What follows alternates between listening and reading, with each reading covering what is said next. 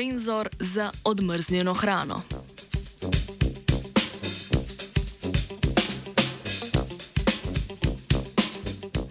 Varna hrana je pomembna. Raziskovalna ekipa je razvila samo najapalni senzor, ki lahko določi, ali je bila zmrznjena hrana med predelavo in transportom v hladni verigi do prodajalnih polic odmrznjena.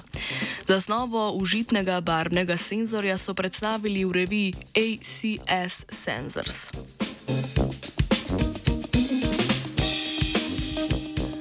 Zmrzovanje je eden pomembnejših postopkov za konzervacijo živil. Zmrzovanjem hrane se podaljša življenjska doba prehrambenih izdelkov, nizke temperature ohranijo okus in teksturo, zmanjšano pa je tudi tveganje za zastrupitev s hrano, ki je povezana z razrastom patogenih mikroorganizmov.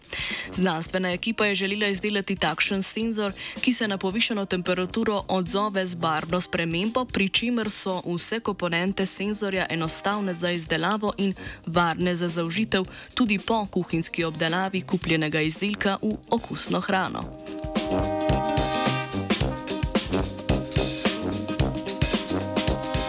Predlagani senzor deluje kot bakterijska celica.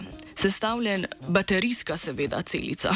Sestavljen je iz vodne raztopine elektrolita in dvojca katoda onoda iz magnezija in zlata, ki skupaj proizvajata tok, ampak zgolj pri temperaturah nad lediščem.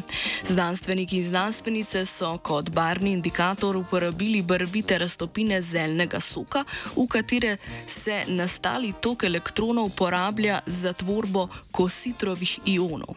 Kositrovi ioni reagirajo z barvili v zemnem soku in spremenijo njegovo barvo, ko, zaužito, ko, je, z, ko je živilo, seveda, izpostavljeno temperaturam nad lediščem.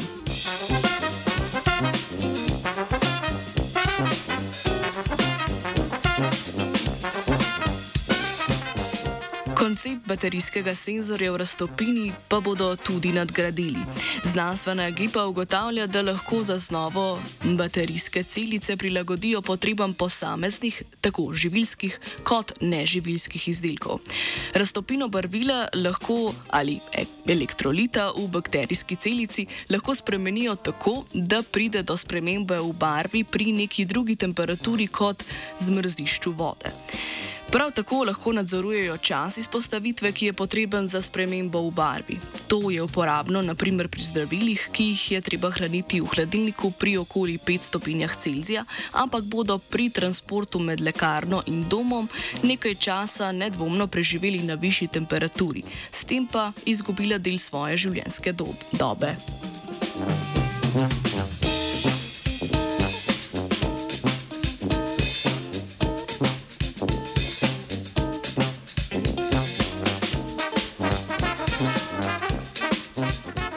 Pod odejo čaka zimo leta Luka.